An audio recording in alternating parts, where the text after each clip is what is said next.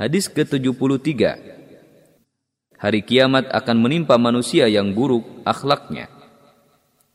عن عبد الله رضي الله عنه عن النبي صلى الله عليه وسلم قال لا تقوم الساعة إلا على شرار الناس Dari Abdullah radhiyallahu anhu dari Nabi Shallallahu alaihi wasallam bersabda, "Tidaklah kiamat terjadi kecuali terhadap manusia yang buruk akhlaknya."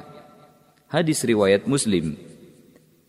Perawi hadis, lihat hadis nomor 3.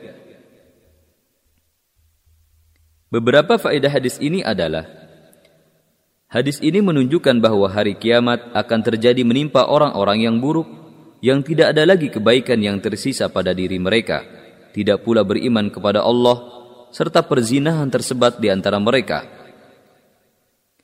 Hadis ini menunjukkan bahwa hari kiamat akan terjadi menimpa orang-orang yang buruk yang tidak ada lagi kebaikan yang tersisa pada diri mereka. Tidak pula beriman kepada Allah serta perzinaan tersebar di antara mereka. Adapun orang-orang beriman yang berserah diri tidak akan mengalami hari kiamat.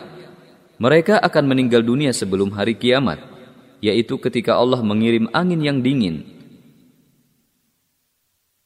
Yaitu ketika Allah mengirim angin yang dingin dan baik, mencabut nyawa orang-orang beriman hingga bumi kosong dari orang-orang baik dan tidak tersisa kecuali orang-orang buruk.